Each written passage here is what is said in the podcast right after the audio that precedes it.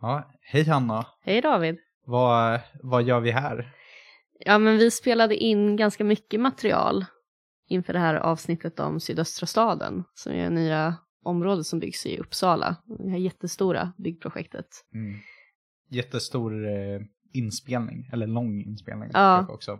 Precis. Eh, vi klippte ju bort typ hälften av det vi sa för att det bara blev ett för långt och spretigt avsnitt. Eh, när vi gjorde förra avsnittet alltså. Exakt. Ja, och då kände vi ändå att en del av det här ja, men var värt att eh, använda. Ja, Så här är vi. här är vi. Eh, man behöver inte ha lyssnat på förra avsnittet. Det handlar bara om att vi ska bygga ut en massa stad sydöst om Uppsala helt enkelt. Ja, då kör vi. Du lyssnar på Radio åt alla, en podcastkanal producerad av förbundet Allt åt alla.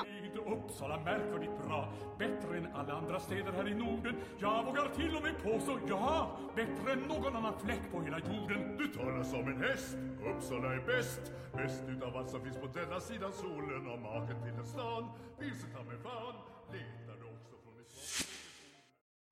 Hej och välkomna till What's Uppsala, en lokalpodd av Allt åt alla Uppsala.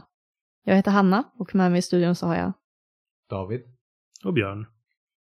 Men ja, nu ska vi prata lite om din pandemihobby idag då, Björn. Ja, precis. Alltså, Mm. eh, så att eh, det här är alltså då eh, podden om allt.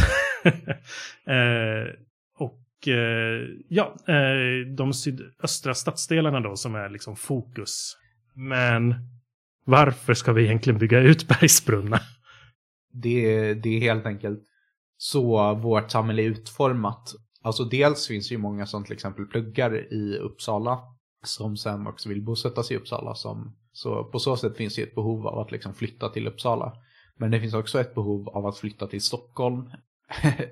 Eh, och sydöstra staden kommer ju byggas så att man kan pendla till Stockholm ganska lätt.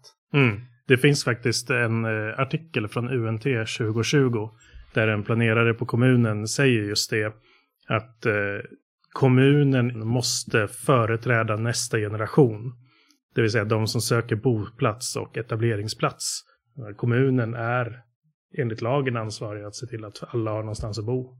Ja, precis. Det finns ju en generell tendens i samhället att fler och fler flyttar in till större städer.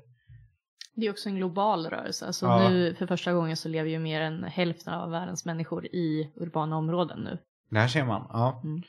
Så eh, undersökningar visar ju att det finns ganska många som egentligen vill, hade kunnat bo på landsbygden. Men å andra sidan, många vill ju bo där det finns jobb och bra social infrastruktur.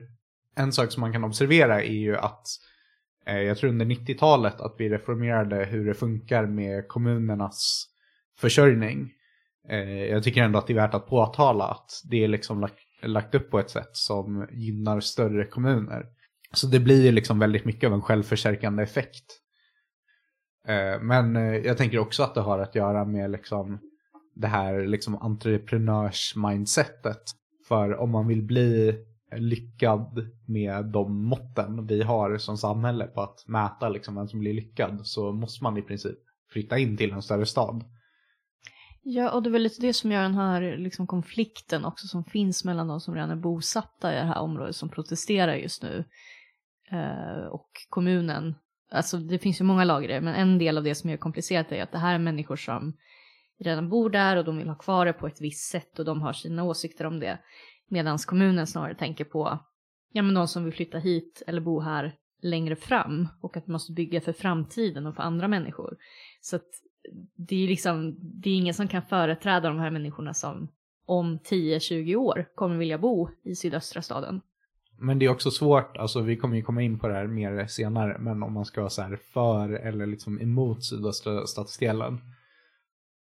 Så känner jag lite att jag kan vara emot eh, liksom det här urbaniseringstrycket som finns. För, som jag sa tidigare, alltså det är många som egentligen på olika sätt skulle kunna trivas med det, med att bo på landsbygden. Men det finns liksom inte förutsättningarna för att ha både så här jobb och fungerande samhällsinfrastruktur där. Så eh, man kan ju verkligen vara emot trenden för urbanisering. Men liksom givet att den trenden finns och att man inte kan ifrågasätta den Mm så tycker jag ändå att det är eh, rimligt att liksom svara mot det behovet som ändå finns av att flytta in i Uppsala eller liksom på pendelavstånd till Stockholm för att det är så samhället är strukturerat. Ja men grejen är väl lite den här, så länge det finns en bild av att det finns möjligheter i staden så kommer ju folk vilja flytta till staden och ta sig till platser där man tänker att det finns en möjlighet att få en bättre framtid. Och jag menar, Mm. i Sverige har ju varit så historiskt liksom. Folk flyttar ju till Stockholm och bodde i slumkvarter i, på Söder tidigare. Och jag tror inte riktigt att det kanske är där, alltså det kanske finns versioner av det som skulle kunna hända i Uppsala om man inte förbereder för att det flyttar hit människor. Men det är ändå, man måste ju någonstans tänka att det händer tror jag. Mm. För man kan inte stoppa folk från att ta sig dit man tror att det finns bättre möjligheter. Nej, precis. För man är ju villig att eh, kanske bosätta sig i en dålig bostadssituation om man tänker att det finns ett sätt att till exempel skaffa sig det där bra jobbet eller vad man nu funderar på. Ja, och så kan man Som- jobba sig uppåt från det. Exakt. Eh, den drivkraften är ju helt omöjlig att eh, ta, ta bort liksom Nej, ur samhället. det ser man ju i många storstäder redan nu, att folk väljer att bo i dåliga andrahandsalternativ eller liksom flytta runt i en evighet bara för att man vill vara på en plats eller Ja. behöver vara på en plats för att det är där man får jobb. Uppsala har ju en väldigt spännande situation i det, därför att man är både stället som inte kan stå på sina egna ben för närheten Mm. till Stockholm, så folk bosätter sig i Uppsala fast de vill till Stockholm. Eh, samtidigt som det är en stad i sin egen bemärkelse. Eh, jag såg att eh, Uppsala har numera lika stor inpendling som utpendling. Ja, det har jag också fan. sett. Det har jag också sett. Ja, så det är ju det är inte det man riktigt tänker. För man tänker ofta när, eh, när man pratar till exempel om eh, bygga ut till exempel eh, sydväst, sydöstra stadsdelarna. Att ja, men här ska det liksom bli en sömnig pendlarort eller någonting sånt där. Mm. Men den, den verkligheten är inte helt sann heller. Eh, så det finns båda delarna där. Dubbelt tryck. Just det, vi kommer ju antagligen bli kulturhuvudstad eh, om det är 2028. Eh, Det visste jag inte, Europas berätta. kulturhuvudstad. Ja, Mm, just det. För det är, det är liksom förbestämt vilka länder som kommer få det ett givet år. Det är två länder varje år. Men om jag har uppfattat det rätt så är det bara Uppsala som är kvar i tävlingen i Sverige. Mm. Malmö drog sig ur. Jag vet inte om jag ska Eh, kalla en av- Uppsala en kulturhuvudstad, men... eh, En av Europas det två det det. kulturhuvudstäder. Ja. Nej, det, alltså det, finns, det finns absolut en hel del i Uppsala när det gäller där. Men skulle kunna steppa upp lite mer med tanke på att vi är Sveriges fjärde största stad tycker jag. Nej men det är väl nationerna liksom. Det är, ehm, alltså jag, jag tycker ändå nationerna äger medan man är student. Men de dödar ju all liksom ungdomskultur på samma gång. Det finns ju lite så här punkspelningar och sånt. Men det gör det ju på ganska många ställen liksom. Ja. Är, Ja, men man måste leta lite mer i Uppsala så är det ju. Man Ja. måste hitta vilka det är som driver det här. Och det är ju det, alltså på ett sätt tycker jag att det är fint att det är privata aktörer och organisationer som startar upp det och liksom när man gräver lite så lyckas man hitta dem. Men eh, jag vet inte om jag tycker att Uppsala kommun förtjänar det. Jaha. Eh, men vad då? Vad, vad hade du önskat från Uppsala kommun? En sak jag önskar från Uppsala kommun det är ju fler billiga lokaler generellt. Ja, Alltså när jo, man bygger eh, fler bostäder och sådär. Tänk på att skaffa lokaler och då inte bara liksom för butiker och så utan faktiskt som man kan hyra som förening och så vidare. Det, Mm. det finns ju ingenting. Men hur ser det ut med sydöstra staden? Har man planerat för det? För att eh, Vet inte faktiskt. det är en Jag- simhall i alla fall. Ja, de, de har ju mycket den här stilen att det ska vara butiker i bottenplan längs Ja, de, ja, stora det, vägarna. det är en del av den här nya Exakt. Jo, men alltså de, om de lokalerna eh, finns i överflöd då, eh, så att de faktiskt blir tillgängliga. Nu ska vi gå över till att prata lite om Ja. den nya typen av stadsplanering i så fall. Absolut. För att eh, det är ju en ganska central del i det här. Att liksom, I en växande stad så kommer det ju massa utmaningar för miljön. Det är liksom naturområden som exploateras och det är en större efterfrågan på både energi och transport. Eh, och behovet av vatten och avfallshantering är ju, alltså det växer ju bara. Det här är ju jättestora problem som man alltid har i städer, ju större och större de blir. Eh, och man inser ju det liksom i och med den här urbaniseringsvågen som vi pratar om att det här är ju problem som inte kommer bli bättre om det fortsätter som det är idag. Liksom vi kommer få mycket större energibehov, mycket mer problem med avfall och så vidare. Eh, så då har man ju börjat, jag vet inte om det liksom är ett koncept så, men när man pratar om hållbarhet och liksom framtidens stadsplanering så finns det ju väldigt mycket gemensamma idéer för det.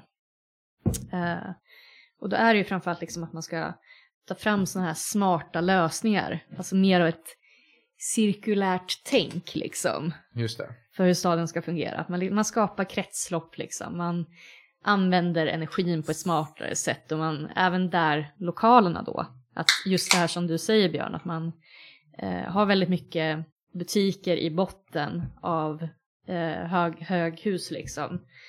Och sen väl tanken lite att eh, många lokaler också ska kunna användas mer effektivt, att man säger, ja men de kan vara någonting på dagtid och sen på kvällen kanske man kan hyra ut en skola till andra aktiviteter eller så här. Just det, det, det, är lite som eh, legum och shotluckan. Ja, ah, just det. Just det. Okej, ja det är Vegetarianbuffé på dagen. Ja, shotlucka på kvällen Ja. där man tar shots som brinner. Ja, Eh, och jag tycker att alltså, när jag har varit inne och kollat på det här eh, väldigt mycket med så här, hållbara städer och vad man, man bygger upp väldigt mycket av den här visionen då att det ska vara ett, har, en harmonisk plats på något sätt känns det som att det är så här, det här gröna tänket, vi har eh, liksom, det är rent och snyggt och modernt och fräscht och liksom allt det här som man tänker I sig. mänsklig skala brukar kommunen säga i Ja. massa sådana här dokument också. mänsklig skala. Ja, att man inte får vare sig torr, torgskräck eller eh, motsatsen. Att det känns så här naturligt och man, Ja, ja, det, allting ja, men det är allt, ja, men allt är ju ett flöde på något sätt. Alltså det är hur man planerar, hur människor ska röra sig och det är liksom eh, man, man planerar ju väldigt mycket också ofta på att bygga på just höjden för att eh, traditionellt har man ju byggt ut väldigt mycket liksom på eh, bredden när man byggt ut städer och då ja, men, tar man ju ganska mycket bra eh, åkermark i anspråk för det. mm. Ja, i Uppsala specifikt. Och Ja. dessutom så blir det jättelångt att cykla. Ja, exakt. Och det är också ett argument för varför man vill förtäta liksom. Att man Ja. har de här små punkterna så vill man knyta ihop det till en enhetlig stad. Att så här, den moderna staden tänker man väldigt mycket som, det här är någonting som jag tagit med mig ända från gymnasiet när vi pratar stadsplanering. Eh, att då, då tänker man på det som en apelsin. Mhm. Att det, det ska vara runt och liksom smidigt och röra sig runt i det. Alltså allt är väldigt, blått också. Ja, men så allt är, jorden är blå som en apelsin. Men eh, det är väl en återgång snarare. Det är väl så gamla romarstäder ser ut och sådär också. Det ska vara gångavstånd till alltihopa Mm. och sådär. Mm. Just det. Ja. Sådana 15 minute cities. Ja, ja men precis. Det är, nya verkligen. som Paris Vi har borgmästare liksom har misslyckats nu i tusen år, eller i 200 år i alla fall. Ja, men det är ju Eh, mycket det att man försöker utgå från en typ av tanke att liksom allt du behöver ska ändå finnas i din närmiljö. Att det, det är det jag går tillbaka till. Och liksom Ja. även där då med butikerna som ska finnas i botten av byggnaderna. Och Jo, jo, liksom, men det är ju Mm. rimligt. skola ska vara nära och... Den resan som har minst utsläpp, det är den som inte behöver genomföras, Mm. så att säga. exakt. Men eh, det är också verkligen, alltså om man ska bygga ut Uppsala så får man ju välja mellan bebygga åkermark, eh, ta bort eh, liksom grönområden i staden eller typ så här eh, ta bort grönområden utanför staden som Mm. kanske eventuellt har sådana här utrotningshotade skalbaggar och så vidare. Cinnoberbaggen, ja. Ja, Mm. Eh, så då, då förstår jag ju att man, är, eh, man inte känner att man har hur mycket plats som helst att göra av med. Att man kanske vill bygga lite på höjden för att inte Ja. behöva... Man, vill stå, man står inför sådana ganska komplexa situationer som man alltid gör när man jobbar med hållbarhetsfrågor. Och Ja, Alltså, jag måste ju också slänga in det att jag tycker att det är väldigt spännande när man håller på att läsa om sådana här hållbarhetsplaner och alltså framförallt när man pratar kanske om ja, stadsplanering och sådana här saker som liksom försöker väva in hållbarhet utan att egentligen i grund och botten vara en hållbar idé. För att man ja. måste på något sätt alltid då sätta liksom, vad är hållbarhet? Ingen vet vad hållbarhet innebär egentligen. Eh, och jag tycker att det är så himla roligt för att man, man börjar med en sån ursäkt att det är, så här, det är svårt att ge en entydig beskrivning av vad det är för någonting. Men det landar alltid i den definition som finns i Brundtlandsrapporten. okej.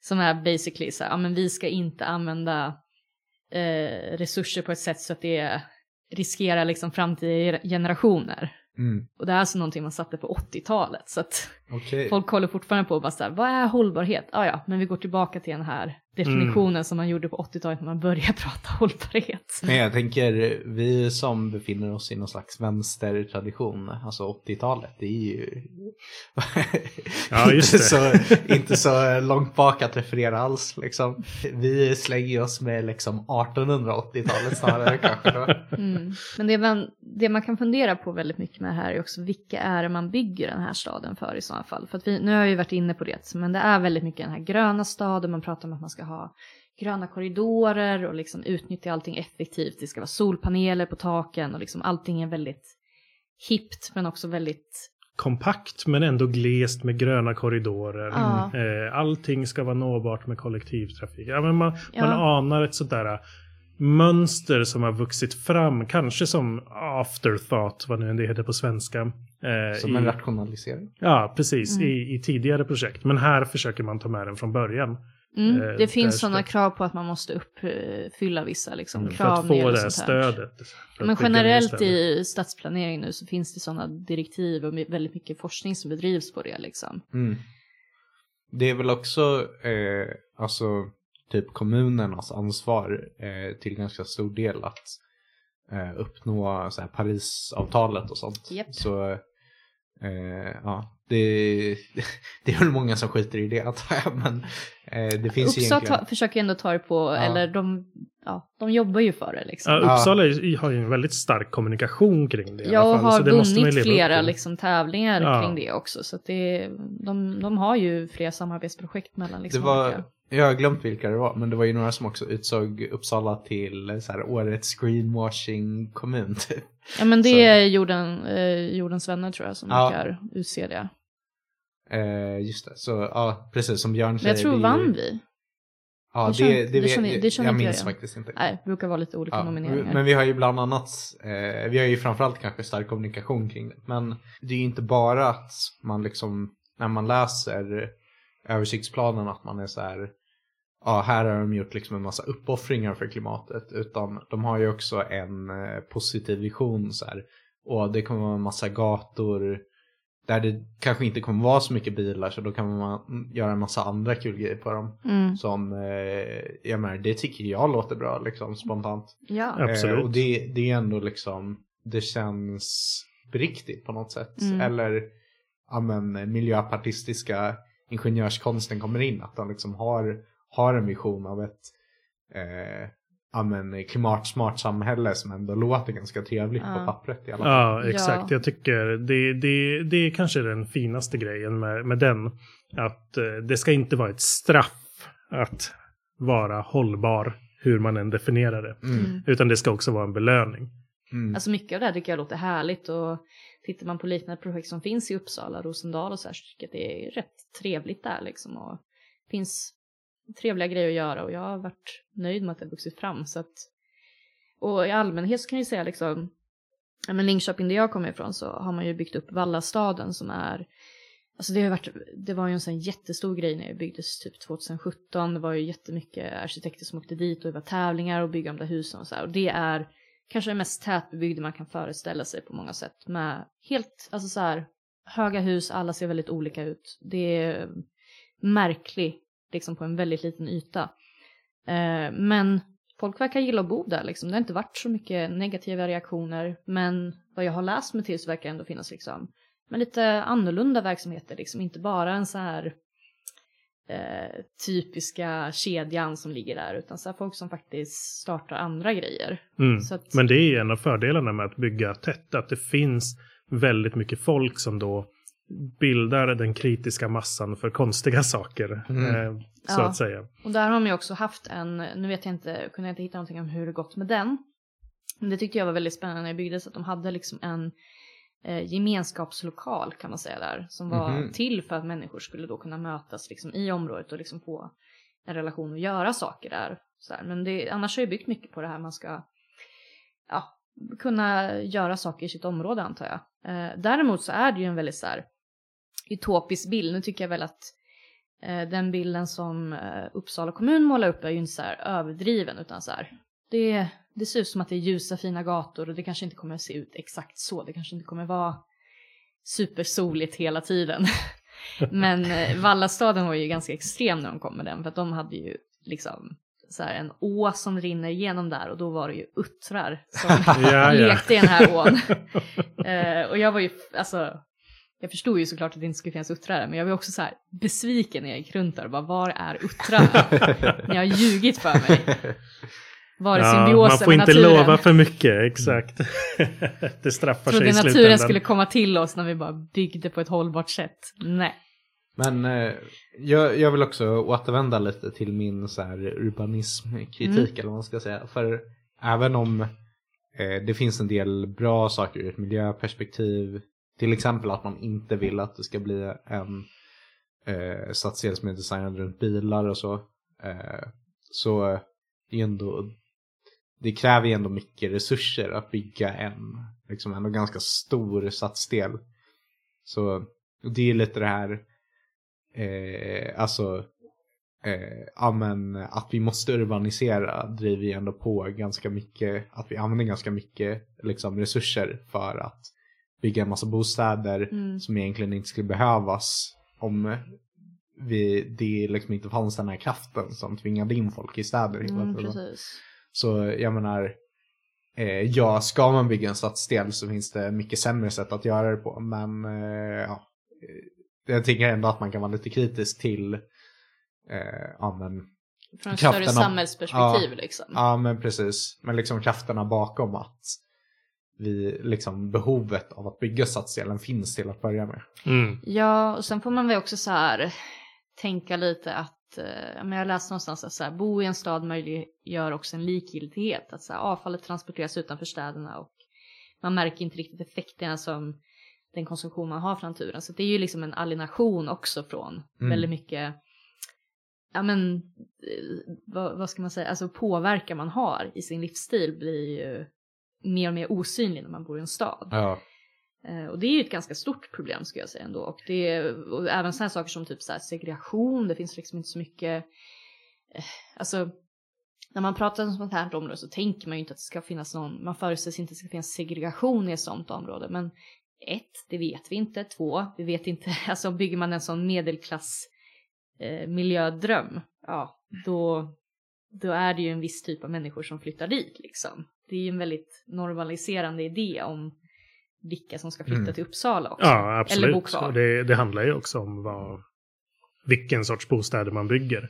Och just nu, eh, när, när det började så vill jag minnas att det skulle vara 30 procent eh, hyresrätter. Mm. Det skulle vara ganska tätt. Eh, men när Moderaterna hoppade av, nej, när Moderaterna hoppade på, måste det väl ha varit, i Mm. vilket fall, eh, så har man kommit fram till att man ska bygga lite mer glesare eh, och man ska satsa, det här kanske i och för sig är bra ur ditt perspektiv då, Mm. man ska satsa mer på tätorterna utanför Uppsala och så. Eh, men då kommer man också till punkten att man ska omförhandla med staten och sådär och Erik Pellings korthus börjar skaka i Ah. grunden. Mm. Eh, så att vi får väl se hur det blir. Men Ja, Moderaterna förhandlar ju nere till 20% hyresrätter också. Vilket, ja, om man minns vårt första avsnitt från ett år sedan, där, därav den här eh, elefantmetaforen. Eh, ja, annars så finns det där poddar finns. ja, exakt. Jag får ju njöta att säga det. Nu känns det proffsigt. Ja. Nej men eh, så det är också någonting som jag tycker är värt att kritisera. Alltså att det är så stor del eh, bostadsrätter och så Mm. liten del hyresrätter. För eh, ja, alltså nej, precis man kan ju kanske återgå, ha lite samma perspektiv. Problemet är att vi har ett system som väldigt mycket uppmuntrar bostadsrätter. Men eh, ja, det skulle vara bra med fler liksom billiga hyresrätter. Å andra sidan skulle de här hyresrätterna ändå inte vara billiga på grund av bland annat presumtionshyror och så. Så det kanske inte hade hjälpt så mycket ändå. Men eh, Mm. ja. Ehm, det, jag, vet inte, jag tycker det är ganska konstigt att det är så stor del bostadsrätter egentligen. Ja, nej, men det finns ju ytterligare anledning att ha allmännyttan och det är ju eh, den demokratiska kontrollen man kan ha över bostadssituationen. Eh, för ju mindre makt, om man uttrycker sig så, kommunen har eh, över eh, bostadsmarknaden, desto mindre kan man ju göra offentligt mot segregation och sådana saker också. Mm. Eh, och folk som dessutom äger sina bostäder har ju en förmåga att eh, bli lite nimby och så vidare. Det, det kan sätta stopp för andra projekt som egentligen vore bra för det stora gemensamma. Eh, och den, den debatten är ju inte över än i stort sett. Det, det har man ju diskuterat. Nej men det är väl inte förrän de börjar sälja ut och bygga och liksom. Ja men precis. Eh, och det är ju så här. Eh, ja men verkligen något man kan ifrågasätta liksom för vilka människor bygger vi den här stadsdelen. Och Ja. eh, det känns ju ändå som att det är en grupp i samhället som En resursstark grupp ja, som ändå... Ja men exakt, målet. liksom, är det de, är det Mm. de vi behöver eh, som behöver liksom en massa mer bostadsrätter att spekulera på. Typ. Alltså, Sen ja. ska man ju inte tänka i och för sig att alla som pendlar är liksom välbetalda människor. Så är det ju inte. Nu vet Nej. jag ju, alltså nu lär väl, det är ju en viss distinktion mellan vilken typ av eh, tåg man åker mellan Uppsala och Stockholm om man är en pendlare. Men det här kommer ju inte ur ett vakuum eller så, utan man har ju byggt bostäder i alla tider. Mm. Eh, och eh, en av de grejerna, det är väl något som du har kollat på. Ja, precis. Alltså, jag tänkte ju väldigt mycket på miljonprogramsprojektet ändå när vi började kolla på det här i och med att det är en väldigt stor byggnadssatsning som man ju känner igen lite grann. Mm. Eh, och grejen med miljonprogramsprojektet är skillnaden där, om det här är liksom bygga för medelklassen så var ju det det klassiska bygga för arbetarklassen. Att man skulle på något sätt eh, ge en bild då att eh, arbetarklassen kunde få, ja men de hade en väldigt låg standard och att man skulle kunna eh, få det bättre utan att egentligen ha något större ekonomiskt kapital. Eh, så man skapar det som ett typ av eftersträvans alternativ. Alltså tanken var att arbets, arbetarklassen eftersträvar mening i livet och att uppnå någonting. Och det här något kunde man då reglera och avväga för att det skulle ses som någonting nyttigt och ansenligt och eh, när det gäller sysselsättning och rekreation. Eh, så då konstruerar man de här väldigt eh, paternalistiska utformade miljöerna som skulle styra människorna att göra rationella val eh, och liksom någonting som skulle ses som att det gynnade dem också. Ehm, Det är verkligen puppet masters. ja, men väldigt uppfostrande alltihop. Ja. Eh, så man byggde ju de här miljöerna där det också var, alltså, men väldigt stark tanke om vad samhället var då. Att det var liksom, det var hemmafruar som var hemma och eh, kunde bevaka barnen. De skulle kunna se barnen när de lekte där i lekparken utanför. Eh, och barnen skulle känna att mamma är här och tittar på mig medan jag är ute och leker. Eh, men det här bygger ju också då en typ av samspel där det är inte bara barnen och mamman som kan se varandra utan även andra människor. Alltså den här mamman eller modern vet ju då att vid varje givet tillfälle är det någon som kan se mig. Och att Mm. man liksom någonstans börjar bevaka varann och skapa en typ av miljö där alla ska bli mer och mer, eh, ja men, eh, vad- ska man säga, städade på ett sätt. Det är kamratuppfostran. Ja men exakt, det är väldigt mycket den idén och det här var ju ja, men också någonting man försökte bygga upp som en typ av dröm om att man inte kunde nå medelklassnivån men att det här var snudd på det på något sätt ändå. Det var liksom bättre, det var renare, det var bättre standard.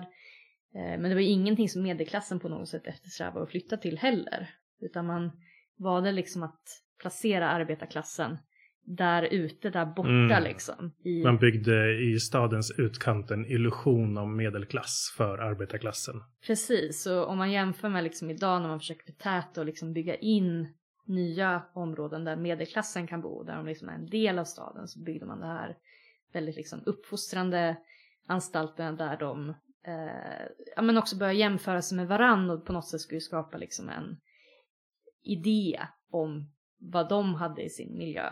Istället för att liksom sträva efter någonting ouppnåeligt så skulle man vara där och jämföra sig med sina grannar istället. Men många människor lyckas ju på något sätt ändå flytta vidare till andra platser.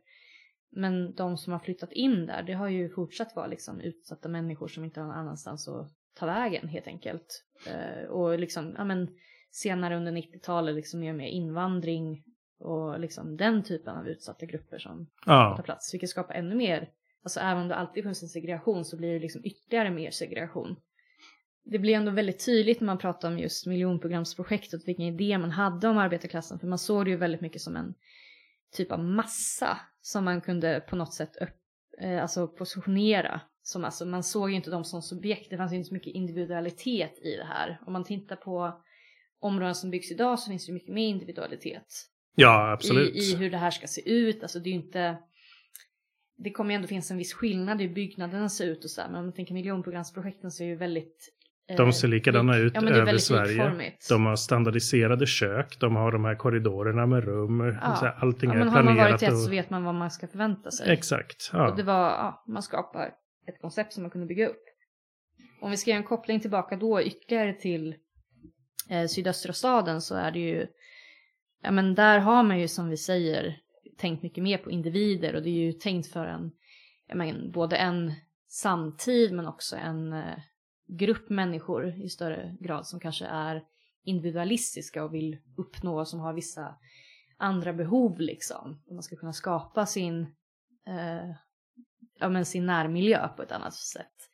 Eh, men då vill jag ju säga att till att börja med när man pratar om den här moderna staden så måste man ju också bygga in en rättvisaspekt av det, vilket jag inte alltid tror att man kanske tänker på i så hög grad. Även om man vill ge ett sken av det så har man inte så mycket konkreta idéer kring det.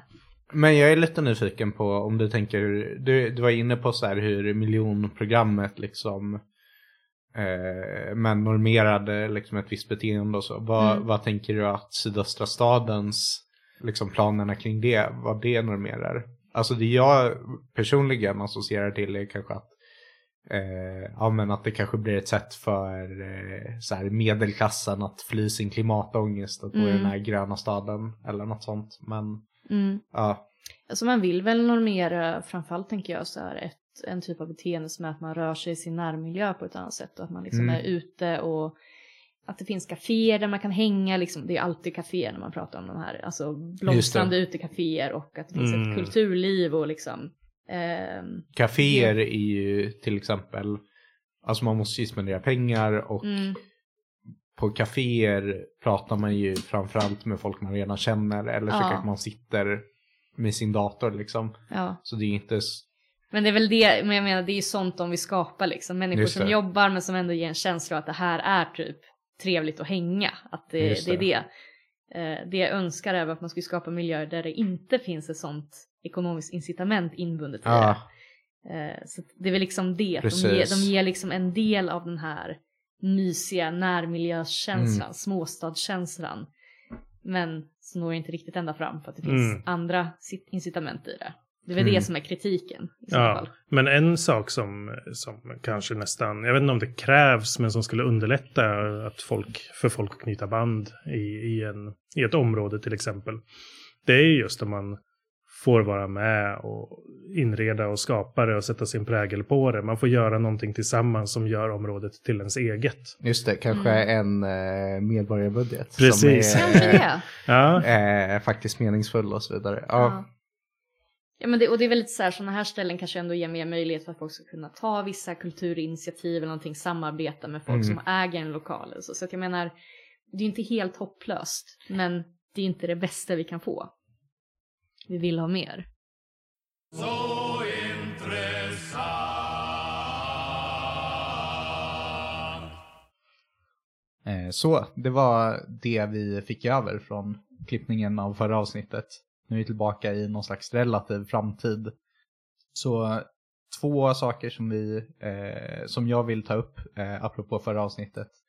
Eh, det ena är, vi säger att eh, Uppsala kommer bli kulturhuvudstad, eller antagligen kommer bli kulturhuvudstad eh, 2028. Det är i själva verket 2029 som Sverige ska, bli, ska ha en kulturhuvudstad nästa år.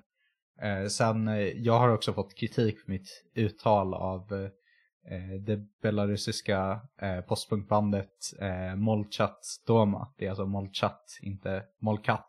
Har jag fått lära mig. ja. Eh, så.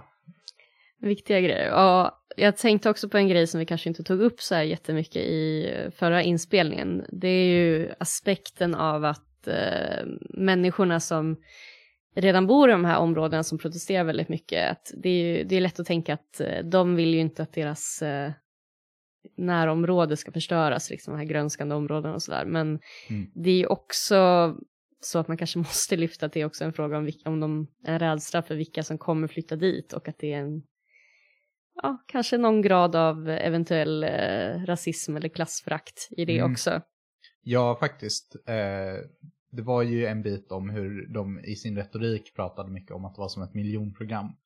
Borde man egentligen kunna lista ut att den retoriken kanske eh, anspelar lite på just rasism och klassförakt. Så jag tror att det, att det kan vara väldigt sant helt enkelt. Att det, det är en viktig faktor bakom det. Mm. Jag tänker att det är väldigt förknippat med liksom miljonprogramsprojektet och vad, vad man tänker om det då på något sätt. Ja, ja men exakt. Eh, precis, alltså ja men Sverigedemokraternas retorik, när de nämner miljonprogrammet så är det ju liksom, eh, ja, handlar det ju om rasism så att säga. Mm. Ehm, ja, och sen, eh, jag menar som jag sa i förra avsnittet, man kan ju gilla liksom att Eh, det är så här, eh, höjde standarden för eh, svenska arbetare eller något. Det, det är sånt som jag går runt och tänker på mycket, men jag tror inte det är många som har den, eh, som förknippar miljonprogrammet med det, utan ja, helt enkelt av eh, liksom olika anledningar. På grund av hur det har använts i debatten så tror jag att många förknippar det med liksom, ja, rasism. Och jag menar, då som nu, liksom, eh, ja men eh, arbetare fast på ett dåligt sätt liksom. Mm, precis, och sen är det ju väldigt mycket lägenheter och en del hyresrätter som kommer byggas där och eh, det kan man ju också koppla till lite den här diskussionen med att SD tycker att alla, att vi ska bygga småhus, att alla vill bo i småhus. Ja. Moderaterna väl. Ja men precis. Eh, men samtidigt är det ju lite fånigt, alltså eh, som jag är inne på i det här avsnittet då. Alltså det kommer ju snarare vara en eh, ganska så här medelklassig eh, tillvaro får man bilden av. Framförallt eftersom att det är så stor andel bostadsrätter och inte hyresrätter. Mm, ja men exakt. Men eh, ja, eh, det är väl mycket sådana här, eh, vad ska man säga, rädslor för olika utbyggnadsprojekt. Kanske inte handlar om hur, vad som faktiskt kommer hända eller så, utan eh, mer om olika så här, eh, eventuellt irrationella tankefigurer på det sättet. Mm. Ja men det är ju väldigt rätt också att använda sig av andra skäl liksom. Om man inte vill att det ska byggas där så är det ju superpraktiskt när man hittar någon skalbagge som inte får Mm. eh, skadas eller sådär. Men, eh, men eh, det måste också sägas, alltså det finns ju många, eh, vad ska man säga, eh, miljöpersoner och så som eh, bryr sig väldigt mycket om just liksom skogen och skalbaggarna. Mm. Eh, alltså det är ju eh, det är inte bara typ så här eh, rasistiska nindis som eh, använder det som ett så här påhittat argument utan det finns ju också ett gäng liksom ja men typ så här miljöaktivister som är, som är väldigt emot sydöstra staden av Mm. liksom exakt den Ja anledningen. men precis, precis. Ja, så det är ju det är ganska komplicerat men jag tror att det är lätt att liksom väva in andra ursäkter för att Mm, eh, dölja sådana lite liksom, ja men bias som man går runt med. mm. Ja, eh, precis. Det är, ja, det är ju också inte helt lätt att skala bort vad som är liksom eh, den egentliga anledningen och vad som är saker man säger för att man tror att det är ett effektivt argument eller så. Um, men sen är det väl också många grejer, alltså eh, som vi pratade om i förra avsnittet, liksom. det finns ju eh, ett mått av att man eh, känner sig maktlös inför samhället som eh, liksom ett samhälle som har otillräckliga demokratiska funktioner.